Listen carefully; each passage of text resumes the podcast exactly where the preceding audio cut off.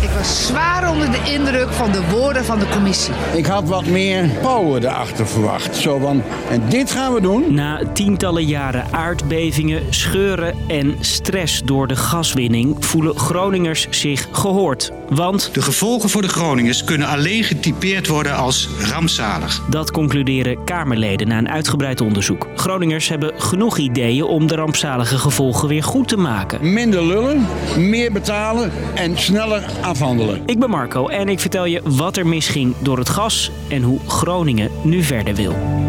Lang verhaal kort. Een podcast van NOS op 3 en 3FM.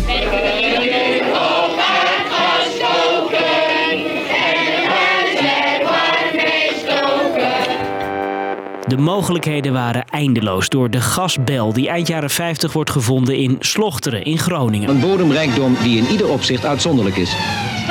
Honderden kilometers leidingen worden aangelegd en binnen een paar jaar geniet heel Nederland van het Groningse gas.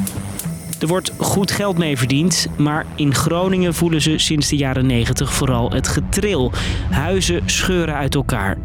En doordat de gaskraan steeds verder open gaat, zijn er steeds vaker en zwaardere aardbevingen. In 2012 is de heftigste in Huizingen. En het was net alsof een vrachtauto bij de buren naar binnen reed. Je hoort hem aankomen. En alles wat op de, de schoorsteenmantel stond, dat stond te trillen. Dat, dat, het, het was verschrikkelijk. Ja, mijn eerste reactie was ik moet naar buiten. De kritiek zwelt aan, maar de gaskraan gaat steeds niet dicht, maar verder open. We hebben beloofd, de gaswinning gaat zo snel mogelijk naar beneden. Zes jaar later, in 2018, komt voor Groningers dan eindelijk de mededeling. De gaskraan gaat in stappen helemaal dicht. Dit is wel het einde dus van de gaswinning in, eh, in Groningen. Ja.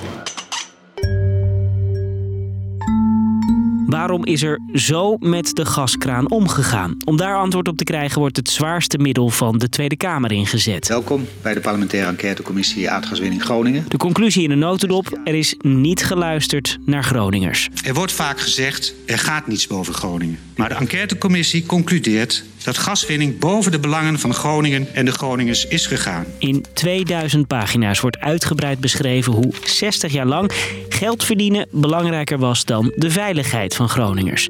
De bedrijven vertelden niet alles over de schadelijke gevolgen. Hoe erg de problemen waren, drongen niet door in Den Haag.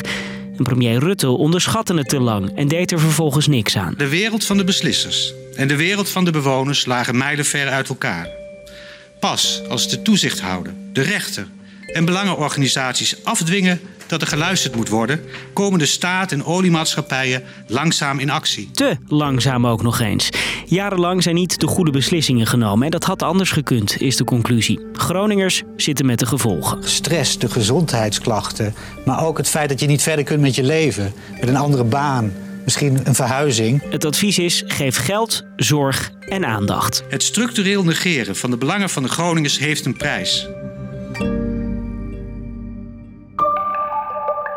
Opluchting onder Groningers. Dat wat wij continu geprobeerd hebben duidelijk te maken in Den Haag, dat werd nu in één keer gezegd door iemand uit Den Haag, die Den Haag vertegenwoordigt. Maar wat gebeurt er met de adviezen? Nu moet dat bij de regering komen te liggen en die moet daar dus echt iets mee gaan doen. De provincie Groningen Dus nu komt er een, een eerste inhoudelijke reactie op het rapport. heeft wel ideeën voor Den Haag. Het rapport is niet het eindpunt, het rapport is het begin. Je hoort de commissaris van de Koning in Groningen, René Paas. Heel praktisch moet worden gefixt, sneller meer huizen repareren. Onze inwoners zitten nu al jaren in kapotte huizen.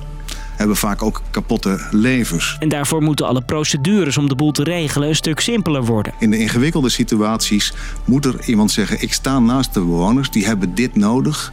Ik neem een beslissing, ik los het op en ik leg het later uit. Maar vooral het vertrouwen moet worden hersteld. Groningers moeten ervan uit kunnen gaan dat de overheid achter hen staat. Ze moeten zeker weten dat er altijd geld genoeg is om hun problemen op te lossen. En niet alleen geld om de problemen nu op te lossen. De provincie wil ook meer investeringen voor onderwijs, sport en de energietransitie.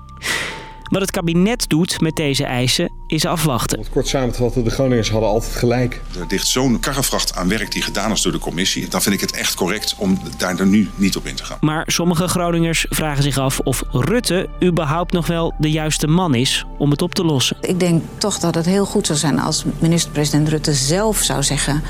eh, misschien is het goed als ik me laat vervangen. En misschien heeft hij het niet zelf gedaan of zelfs gewild. Maar het is wel onder zijn verantwoordelijkheid gebeurd.